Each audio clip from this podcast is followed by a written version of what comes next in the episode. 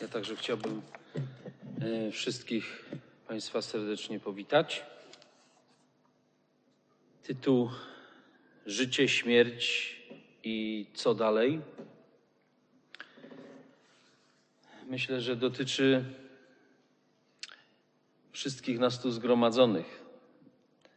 Tak z doświadczenia możemy powiedzieć, szczególnie ci, którym włosy przypruszył szron, że im więcej tych lat przybywa, tym częściej do tego pytania wracamy, co dalej.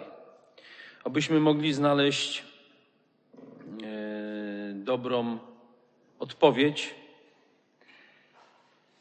Yy, a my dzisiaj chcemy, drodzy Państwo, tę odpowiedź znaleźć w Biblii. Dlaczego właśnie Biblia? Otóż tak ufam, że yy, znakomita większość yy, z Państwa uważa, że Biblia to jest wyjątkowa księga. Najwłaściwszy pogląd na Biblię to jest taki, że jest to list od Boga, więc wszechpotężna duchowa istota, która to wszystko zaplanowała, cały wszechświat, która jest niezwykle dobra zostawiła jakieś informacje. Wierzymy, że te informacje o tym dobrym Bogu zawarte są jakby w dwóch księgach. Jedna to jest ta spisana, a druga to księga natury. Że jeżeli wnikniemy i zaczniemy badać naturę, zobaczymy tam twórcę. Ale dla ludzi, którzy y, uważają, że Biblia jest wyjątkowa i pochodzi od Boga, cytat z drugiego listu do Tymoteusza z trzeciego rozdziału wiersza 15. Od dziecka znasz pisma święte, które mogą ci dać mądrość prowadzącą do zbawienia przez wiarę, jaką mamy w Chrystusie Jezusie. A więc natchniony autor w swojej księdze, która tak z doświadczenia powiem rzadko bywa czytana, jako że mam często okazję być w różnych zakładach karnych. Najwięcej ludzi, którzy wzięli do ręki Biblię i zaczęli czytać, to znalazłem w zakładach karnych. My nie traktujemy Biblii jako ozdobnika, czyli niech ona tam będzie na jakimś e, wyjątkowym miejscu, może ją wszyscy będą chcieli pocałować. Nie. Uważamy, że ona nie służy do ozdabiania nabożeństw, ale jest źródłem, z którego powinno nabożeństwo czerpać. Z jakiej Biblii e, będziemy korzystali? E, kanon, skład Biblii to 39 ksiąg Starego Testamentu. Możemy tak w uproszczeniu powiedzieć Biblia Żydów, e, powszechnie używana przez judaizm, 39 ksiąg. E, choć Żydzi łączą niektóre księgi prorockie w jedno tych mniejszych proroków, ale licząc po kolei jest ich 39. Z tych ksiąg w Nowym Testamencie znajdziemy bardzo dużo cytatów, e, które e, wykorzystywał Jezus w swoich kazaniach. Dlatego mamy też potwierdzenie, że jest to coś bardzo ważnego, y, ważny skład Biblii i 27 ksiąg Nowego Testamentu, y, powszechnie uznawane w całym chrześcijaństwie. Różnice polegają na tłumaczeniach. Y, co powiemy jeszcze o Biblii? Dlaczego, dlaczego jest to dla nas takie ważne i dlaczego ja kładę taki nacisk, kiedy tłumaczymy chcemy się zabrać za odpowiedzenie na pytanie życie, śmierć i co dalej.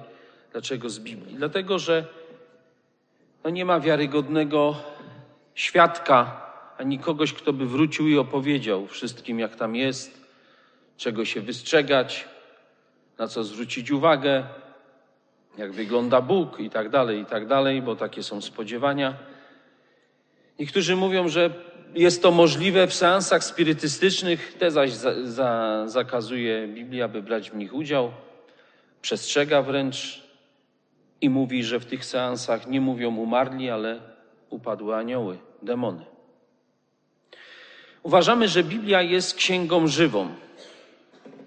Co to oznacza? Że w tej treści ukrytej tutaj, mm, kto z Państwa już czytał i badał ją, to wie, że trochę tu, trochę tam. Nie ma rozdziału pod tytułem człowiek, nie ma rozdziału pod tytułem przyszłość i tak dalej, i tak dalej, czy rodzina, ale teksty są rozbite e, po całej księdze. I ciekawy fragment z Apokalipsy świętego Jana z objawienia z pierwszego rozdziału wierszu, wiersza trzeciego. Błogosławiony, który odczytuje i którzy słuchają słów proroctwa, a strzegą tego, co w nim napisane.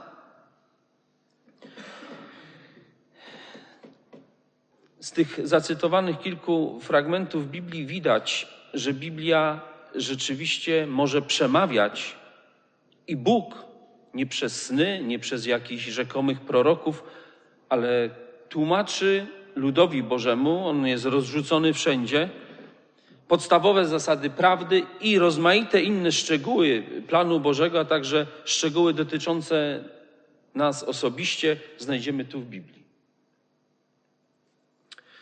Coś, dwa słowa jeszcze o przekładach Biblii, bo mm, krążą różne opinie, że a to jest Biblia Świadków Jehowy, a to jest takich, a to jest fałszowana, a ta jest dobra.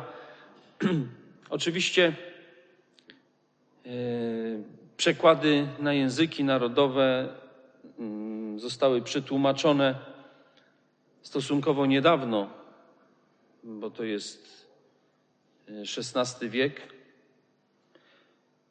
Przedtem o dziwo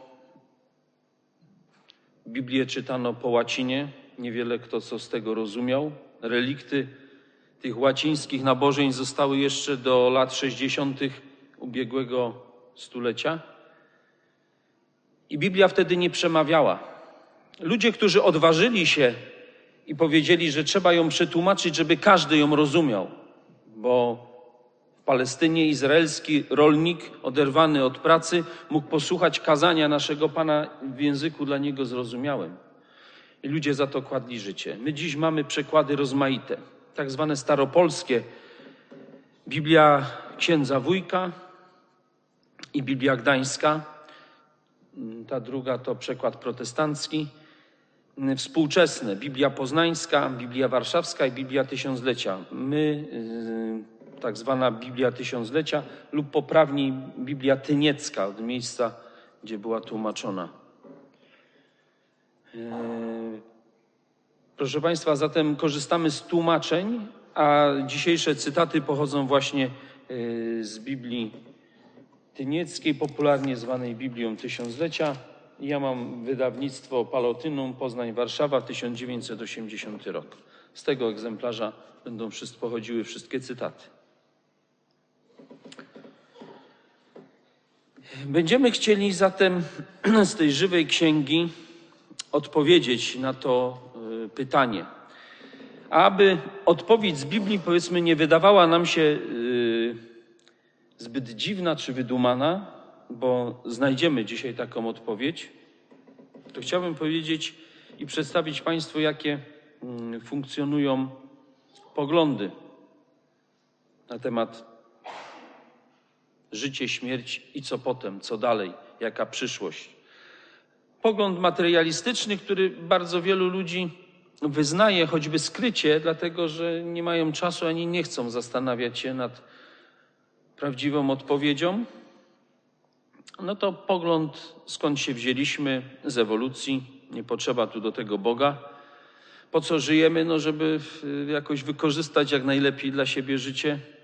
A gdzie idziemy? Nigdzie nie idziemy, żyjemy, umieramy, tak jak roślina, rozpadamy się w proch i nas nie ma. Bardzo smutny pogląd i bez żadnej nadziei. Może nadaje się dla kogoś, kto, jest, kto ma beztroską duszę.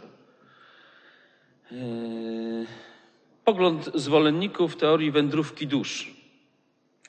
Tym poglądem materialistycznym nie będziemy się zajmowali, tym poglądem zwolenników teorii wędrówki dusz również nie będziemy się zajmowali. E, choć tam znajdziemy odpowiedzi na to, skąd się wzięliśmy, po co żyjemy i gdzie idziemy.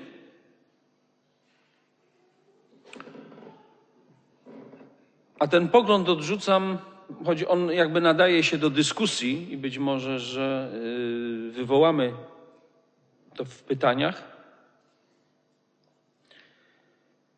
Bo jeżeli ja w osobistym moim wcieleniu jestem tu i teraz przed Wami, nie potrafię odpowiedzieć na pytanie, czy jestem w tym wcieleniu za karę, czy w nagrodę.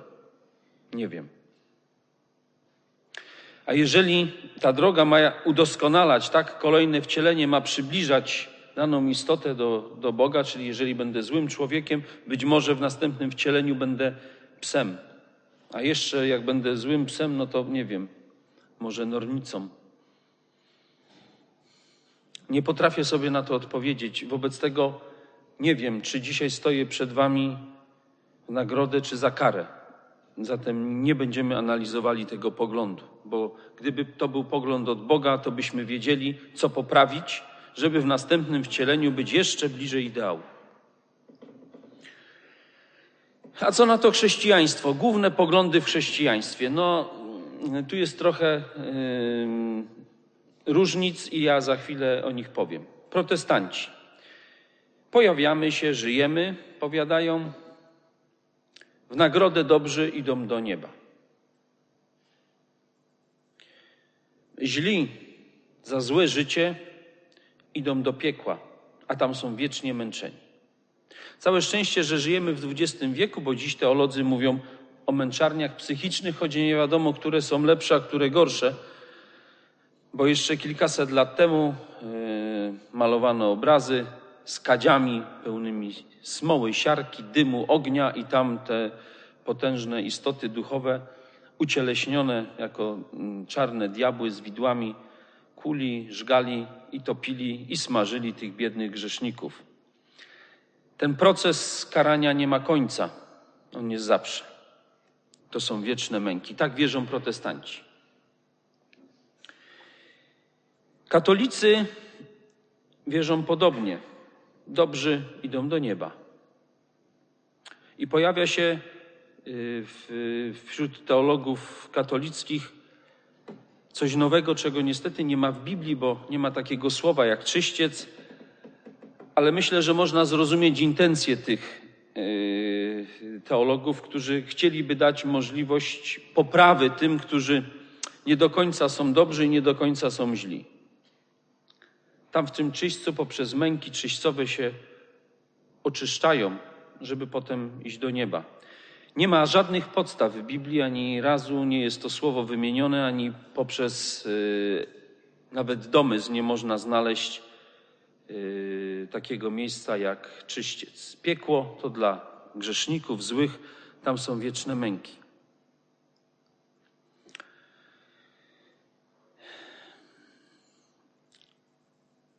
To jest wspólny mianownik, to co się pokazało. Jedni i drudzy, i protestanci, i katolicy wierzą, że końcem drogi znakomitej większości rodzaju ludzkiego, bo jeżeli weźmiemy pod uwagę, że dziś na Ziemi żyje ponad 6,5 miliarda ludzkości, 6,5 miliarda, z czego jedna trzecia to chrześcijanie w tych dwóch podziałach najgłówniejszych. Zatem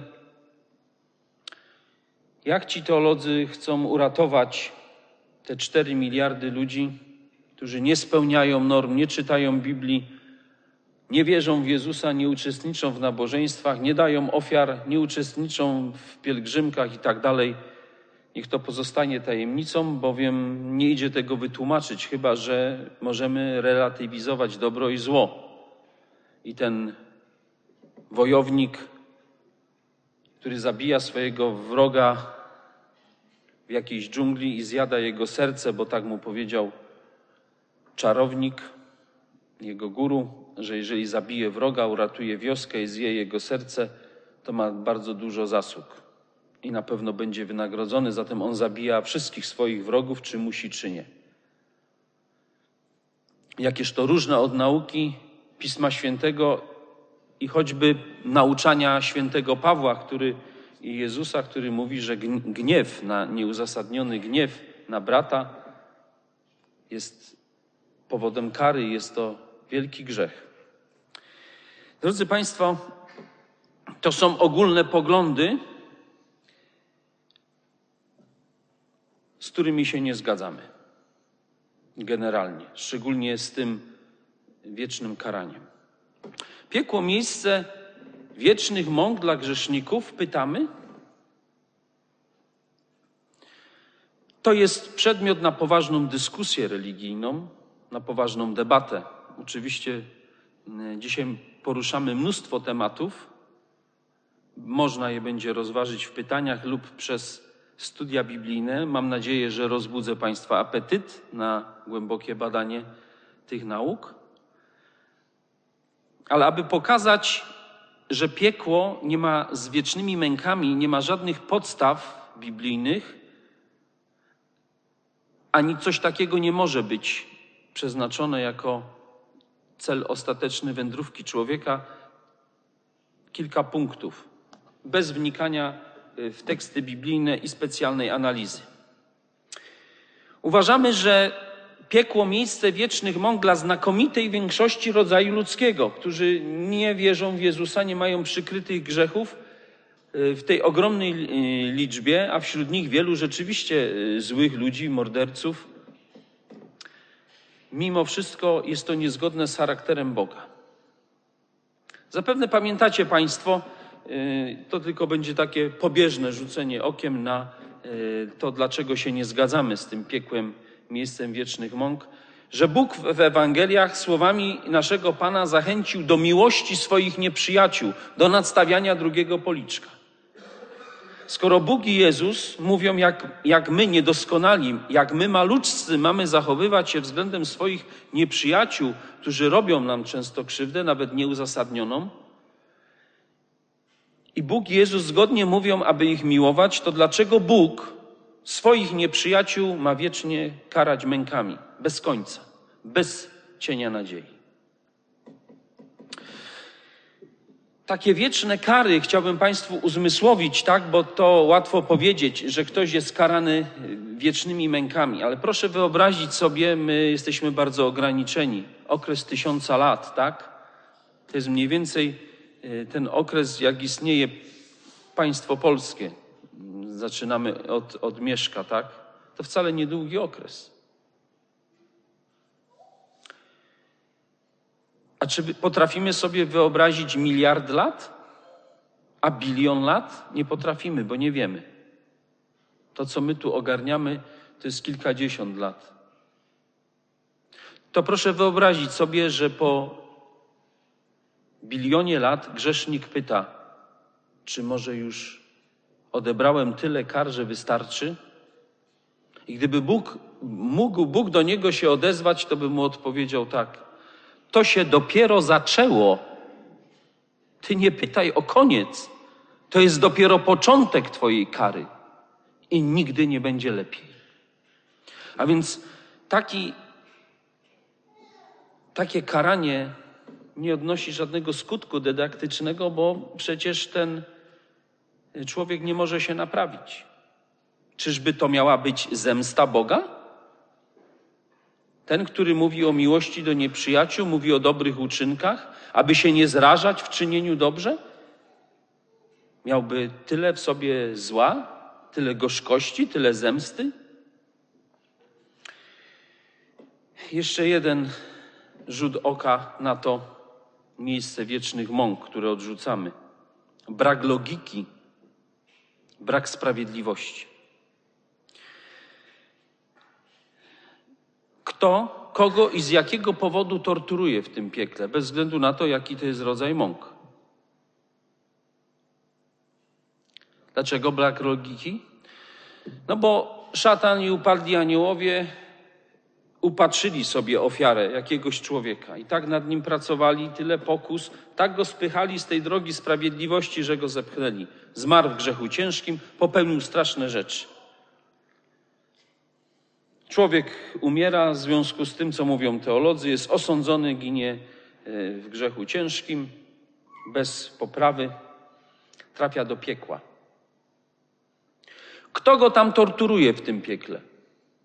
No, ci, którzy nad nim całe życie pracowali. Szatan, demony, upadłe anioły. Więc ja pytam, to Bóg wynagrodził szatana i upadłych aniołów, dając im yy, do ręki tą biedną ofiarę, którą maltretowali, a teraz będzie ta ofiara męczona już zawsze, wiecznie. Po stronie diabła, upadłych aniołów, radość. Mamy kogo torturować, my to lubimy. Z rozmowy z moimi y, braćmi i przyjaciółmi mówimy tak, że jeszcze moglibyśmy uznać ten aspekt, gdyby to ten grzesznik do tego kotła przysłowiowego wziął tych upadłych aniołów i szatana i on ich torturował za to, co mu zrobili. Zatem, co dzieje się, kiedy żyjemy i umieramy? Biblia mówi o piekle, ale nie o miejscu wiecznych mąk. Po pierwsze, myślę, że uważny słuchacz słów Boga pójdzie do pierwszej księgi Mojżeszowej, do księgi Genezis i zobaczy, jak to było na początku, kiedy Pan wszechświata stwarzał życie. Stwarzał zwierzęta, rośliny, a na końcu człowieka stworzył na obraz i podobieństwo swoje, z wolną wolą, z wspaniałymi cechami charakteru. W Księdze Rodzaju w drugim rozdziale, wierszu 17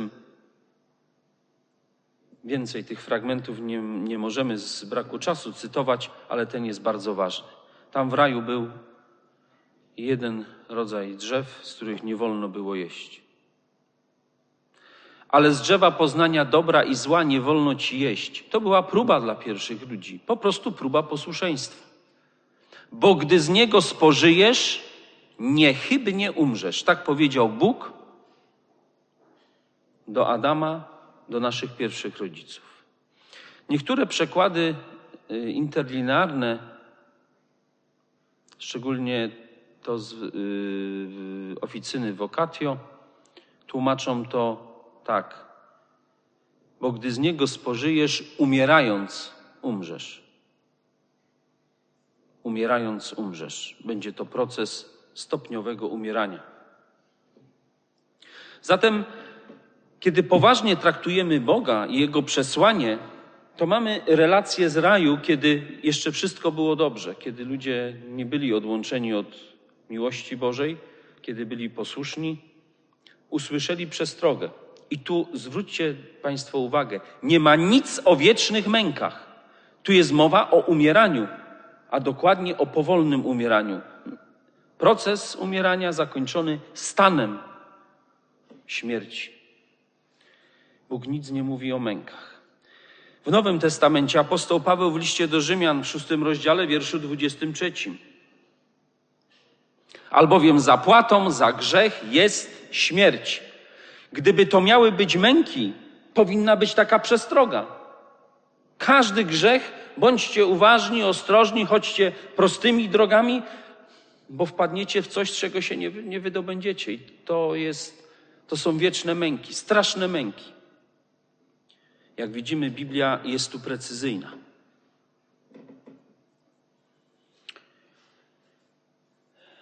Co dzieje się zatem z ludźmi po śmierci? Co mówi Biblia? Bo to, co mówią teolodzy, y, co mówią y, filozofowie, czy wielcy myśliciele, mniej więcej przedstawiłem. A co Biblia mówi, co dzieje się po śmierci? Na to pytanie odpowiemy kilkoma tekstami, ale najpierw chciałbym zadać takie pytanie. Czy zanim Bóg stworzył pierwszych rodziców, czyli to, co znaleźliśmy w księdze Genezis, stworzył Adama, później Ewę, dwoje doskonałych ludzi z prawem do życia i prawami życiowymi w raju, w doskonałych warunkach, bez groźby choroby, nieszczęścia i śmierci, byli poddani próbie i oni zostali poinformowani. Czy Adam i Ewa żyli gdzieś przed tym stworzeniem, zanim się pojawili, zanim Bóg nazwał Adama Adamem, a Ewę Ewą? Czy oni gdzieś żyli? Biblia o tym milczy. Zatem nie znajdujemy i w Biblii, i w logice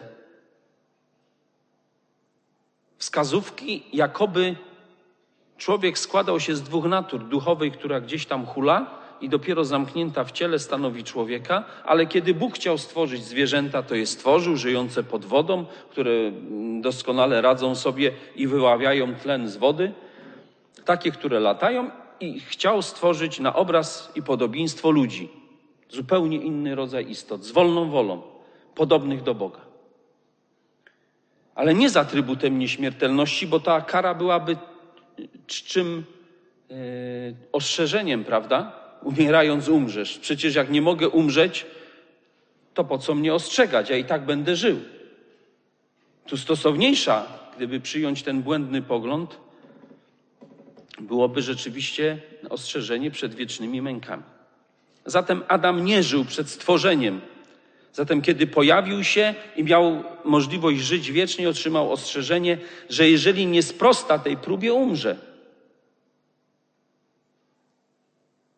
Kaznodzieja Salomon, dziewiąty rozdział.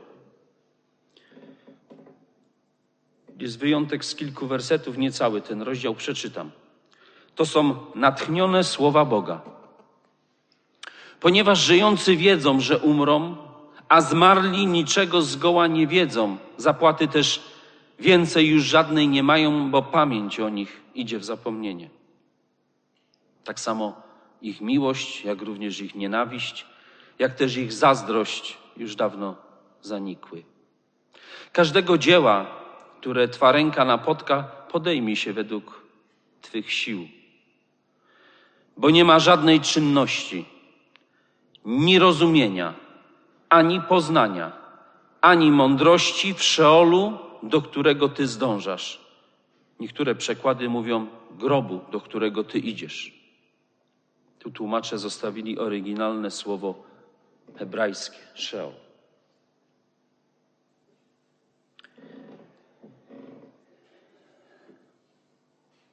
Zatem nie ma wędrówki dusz i nie ma zamkniętego duchowego bytu, który uwalniałby się przy śmierci, bo ten nie mógłby umrzeć. Zatem ta kara, śmierć nie byłaby żadną karą, jeżeli yy, byt człowieka przenosi się z cielesnego na duchowy. Umarli o niczym nie wiedzą, zapadają w głęboki sen niebytu, nieistnienia. To, to Bóg potrafi dokładnie zapamiętać tożsamość danej osoby. Jej przeżycia, jej charakter, wszystko to, co mieści się w naszej głowie. Bo przecież nie ciało stanowi o człowieku, prawda? Doskonale wiemy, że komórki ludzkie co kilka lat się wymieniają, tak? I e, każdy z Was nie jest już w zasadzie tym samym człowiekiem, co e, kilka, siedem, czy dziesięć, czy dwadzieścia lat temu wymieniły się wszystkie komórki. Ale o, o naszej istocie człowieczeństwa stanowi nasza tożsamość, nasze przeżycia, nasz charakter, nasza pamięć. Jeszcze jeden cytat. To Hiob. On też mówi, a przypominam Państwu, że słuchamy świadectwa ludzi, którzy byli blisko doskonałości, do których też bezpośrednio przemawiał Bóg, co mają zapisać. I takie były ich spodziewania. Hiob, człowiek, który niezwykle ciężko chorował. O cierpieniach Hiobowych powstało przysłowie na ustach. Kiedy Hiob w tych cierpieniach, w tych ogromnych boleściach nie mógł znaleźć już żadnej Y, nadziei. Jego przyjaciele też go tam pocieszali, ale raczej pociecha była taka, mówili złożecz Bogu, to dostaniesz karę i umrzesz. Hiob modlił się w tym cierpieniu i jeden krótki fragment, takie wołanie strasznie cierpiącego człowieka do Boga. Czemuż wywiodłeś mnie z łona? Bodaj bym zginął i nikt mnie nie widział, jak ktoś, co nigdy nie istniał, od łona złożony do grobu.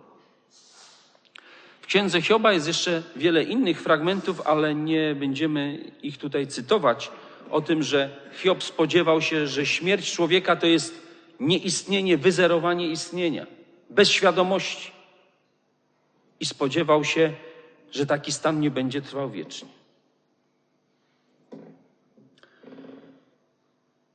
Świadectwo z Nowego Testamentu, bardzo ciekawe.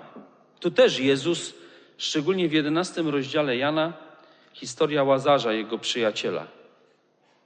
Jezus tam często bywał w Betanii Marii, Marty i ich brata Łazarza. Bardzo się lubili. Można nawet powiedzieć, że to był rodzaj miłości braterskiej. Bardzo głębokiej. I Łazarz zachorował, a Jezusa nie było blisko. Siostry wysyłają poratunek, bo wiedziały, że Jezus jest w stanie tutaj pomóc, bo uzdrawiał. Ale Jezus zwleka z przyjściem. Kiedy przychodzi do Betanii, jest już po śmierci, a Łazarz jest już cztery dni w grobie. Rzekła mu Marta, czytam wyjątek z Ewangelii Jana 11 rozdziału. Rzekła Marta do Jezusa: Panie, gdybyś tu był, mój brat by nie umarł. Lecz i teraz wiem, że Bóg da ci wszystko, o cokolwiek byś prosił Boga. Rzekł do niej Jezus: Brat twój z martwych wstanie. Rzekła Marta do niego: Wiem, że z martwych wstanie w czasie zmartwychwstania w dniu ostatecznym.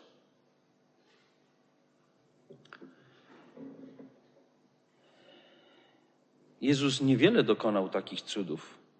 Ten jest najbardziej opisany w Biblii, bo wzbudził umarłego łazarza, który był już w rozkładzie, cztery dni w grobie, kiedy kazał odwalać kamień od grobu, ostrzegano, panie, już cuchnie.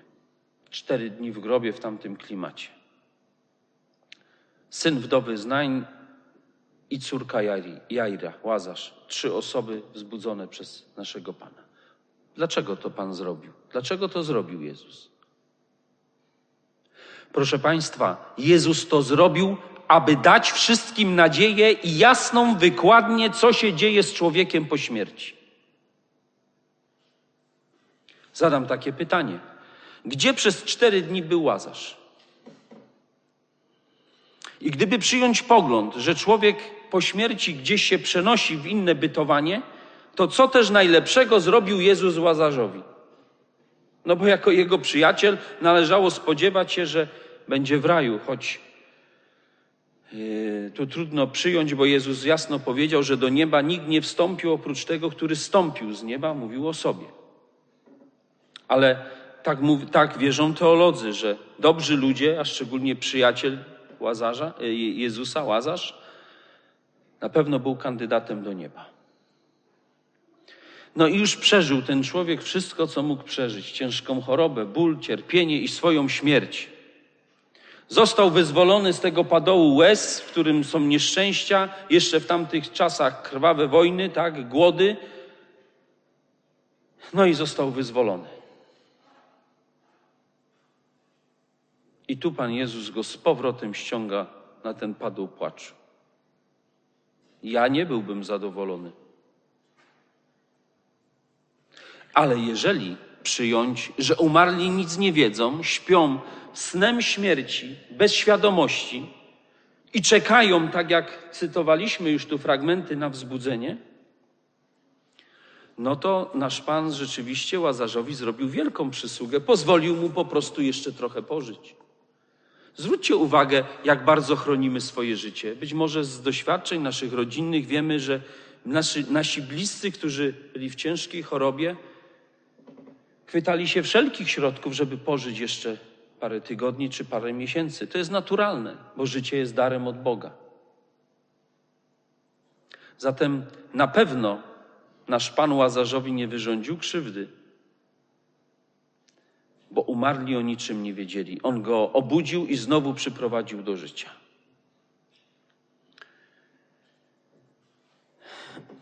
Otóż ktoś powie tak. No wszystko ładnie, dobrze.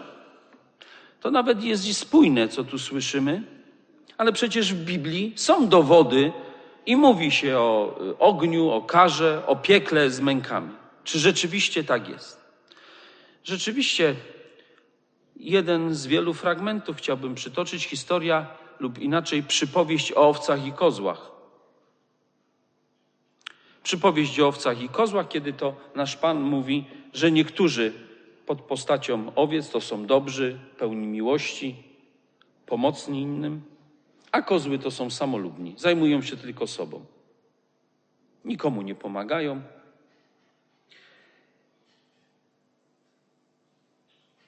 I przypowieść kończy się takim podsumowaniem, które nie jest przypowieścią. Wtedy im odpowie: Zaprawdę powiadam wam, wszystko, czego nie uczyniliście jednemu z tych najmniejszych, tegoście i mnie nie uczynili. I pójdą ci na mękę wieczną, sprawiedliwi zaś do życia wiecznego. Ewangelia Mateusza, 25 rozdział. No więc jak to jest? Czy Biblia jest sprzeczna sama z sobą? Jedne fragmenty mówią o piekle, drugie z wiecznymi mękami, inne nie. Jak to jest? Jak to uzgodnić? Chciałbym odwołać się do tego, o czym wspomniałem na początku, że Biblia pochodzi, y, nasza y, polska Biblia jest tłumaczona z języka greckiego, hebrajskiego i aramejskiego. Grecki, y, z grecki, greckiego mamy Nowy Testament. Teraz jest tu skan ze słownika grecko-polskiego wydanego przez PWN w 1960 roku gdzie jest mowa i pójdą ci na mękę wieczną. To greckie słowo jest tutaj podkreślone. To słowo się czyta po grecku kolasin. I pierwotne znaczenie tego słowa to było w ogrodnictwie odcinanie pędów, odcinanie gałęzi lub okrzesywanie gałęzi, yy, zwłaszcza migdałowych. Później ma to yy, słowo znaczenie karania, ale y, źródło słów tego ma się od tego, że kogoś się odcina od jakichś przywilejów. Zatem tłumacz zniewolony nauką o wiecznych mękach y, karanie czy odcinanie nazwał męką. Ale ten tekst równie dobrze można przetłumaczyć i pójdą ci na odcięcie wieczne, sprawiedliwi zaś do życia. I tu jest już sprawa jasna. Skoro jedni do życia, a drudzy na odcięcie, no to odcięcie od życia, na wieczne unicestwienie. Nie ma tu mowy o żadnych mękach. Niektóre inne fragmenty, których nie będę już omawiał, drodzy Państwo, chcę tylko powiedzieć, że stanowią integralną część przypowieści, zatem ogień w danej przypowieści musi mieć także swoje symboliczne znaczenie. Nie można interpretować przypowieści, że część bierze się alegorycznie, a część dosłownie. I tą część dosłowną, którą się przyjmuje jako dowód na istnienie wiecznych mąk, to jest ten ogień. A ja pytam, czego symbolem jest ogień? I wtedy jesteśmy w stanie uzgodnić bardzo wiele. Zatem podsumowując, życie, śmierć i co dalej. Wszyscy potomkowie Adama mają swój kres w piekle, ale piekle biblijnym. Sheol lub Hades po grecku. Stan, a nie miejsce. To jest niebyt, to jest nieistnienie. To jest sen bez świadomości, ten tą definicję snu nie cytowaliśmy tego, ale Jezus o Łazarzu, kiedy dowiedział się, że umarł, apostołom powiedział: Łazarz śpi, ale idę, abym go ze snu obudził. A uczniowie mówią: Jeżeli śpi, to dobrze, jak chory śpi, to wyzdrowieje. A Jezus mówił o jego śmierci.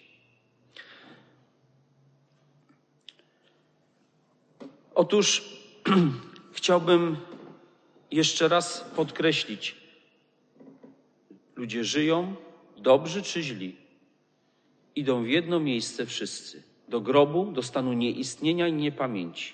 Jedynie wszechpotężny Bóg jest w stanie odtworzyć każdego, a to pokazał w księdze Genezis, kiedy tworzył Adama. Zatem jest w stanie odtworzyć istnienie i los wszystkich. Pokazał to Jezus przez obudzenie Łazarza, który miał zachowaną tożsamość, chociaż na pewno jego mózg już był zniszczony. Trzy świadectwa trzech autorytetów chrześcijaństwa, bo ten stan niebytu i nieistnienia, drodzy Państwo, to nie ma być wieczny. Jezus na temat tego, co po śmierci, czyli w stanie człowiek żyje, kończy życie, jest w stanie niebytu, nieistnienia, w stanie grobu, w biblijnym piekle i nie zostanie tam na zawsze. Piąty rozdział, wiersz 28 Ewangelii Jana. Nadchodzi bowiem godzina, w której wszyscy, którzy spoczywają w grobach, usłyszą głos Jego. Przecież gdyby śmierć była przeniesieniem bytu, po co budzenie kogoś, czy ma usłyszeć głos? On słyszy, on żyje. On jest nawet bardziej żywy niż za dni ciała, bo jest w stanie przenikać materię, jest w stanie się szybko przenosić. Ale jeżeli przyjmiemy pogląd biblijny, że umarli śpią snem śmierci, są w stanie niebytu, to jest to nadzieja, że będą obudzeni. I to wszyscy, co są w grobach, wszyscy potomkowie Adama, bo wielką ofiarą na krzyżu, ofiarą okupową, Jezus odkupił z śmierci wiecznej wszystkich potomków Adama. Apostoł Paweł, wielki mąż Boży w pierwszym liście do Koryntian w 15 rozdziale od 12 do 14 wersetu.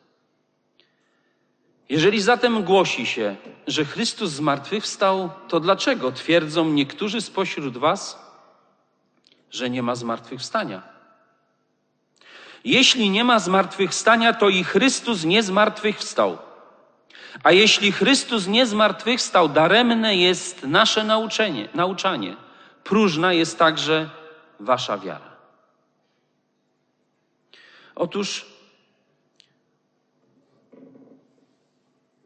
według dzisiejszych wielu teologów zmartwychwstanie jest rzeczą niepotrzebną. Ja sam słyszałem, jak jeden z członków mojej rodziny miał rzekomo być zabrany orszakiem do nieba. To nie było możliwe, drodzy Państwo, z wielu względów. Ale tak naprawdę, gdyby przyjąć taką teologię, to można by opowiedzieć apostołowi Pawłowi: Bracie, apostoł Paweł, nie ma potrzeby zmartwychwstania, bo nasi umarli są gdzieś w niebie albo w piekle i to nic nie ma żadnej potrzeby, żeby ich ubierać w te ciała znowu. Prawda? Ale nikt nie odważy się stanąć w konflikt z apostołem Pawłem, tym bardziej, że on pisał pod natchnieniem samego wszechpotężnego Boga.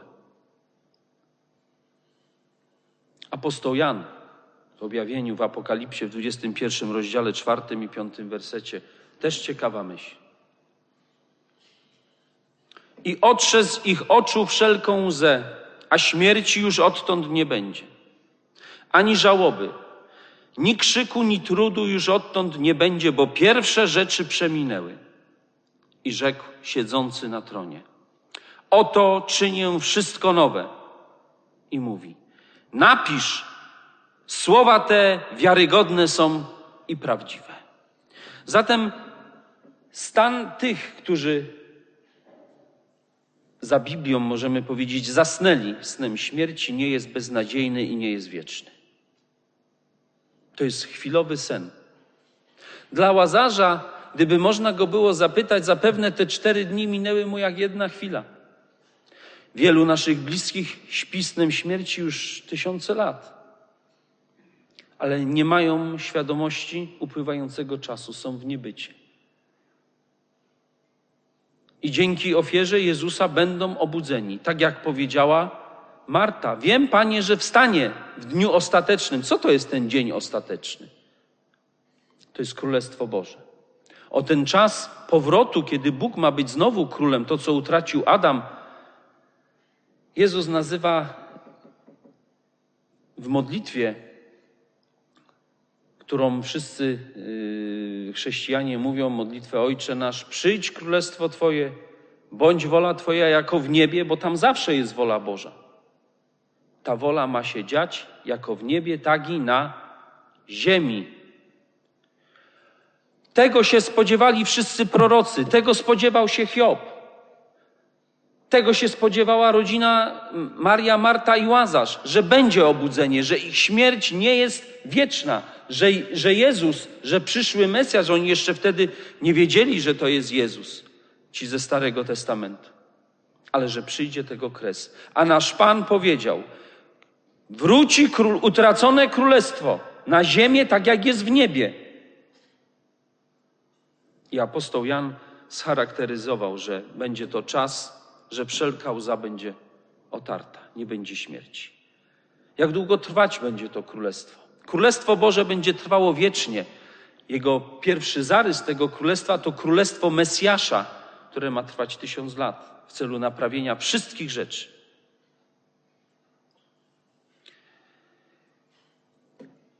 Mamy już mało czasu, zmierzamy do podsumowania. Śmierć według Biblii, według Boga, to stan niebytu i nieistnienia.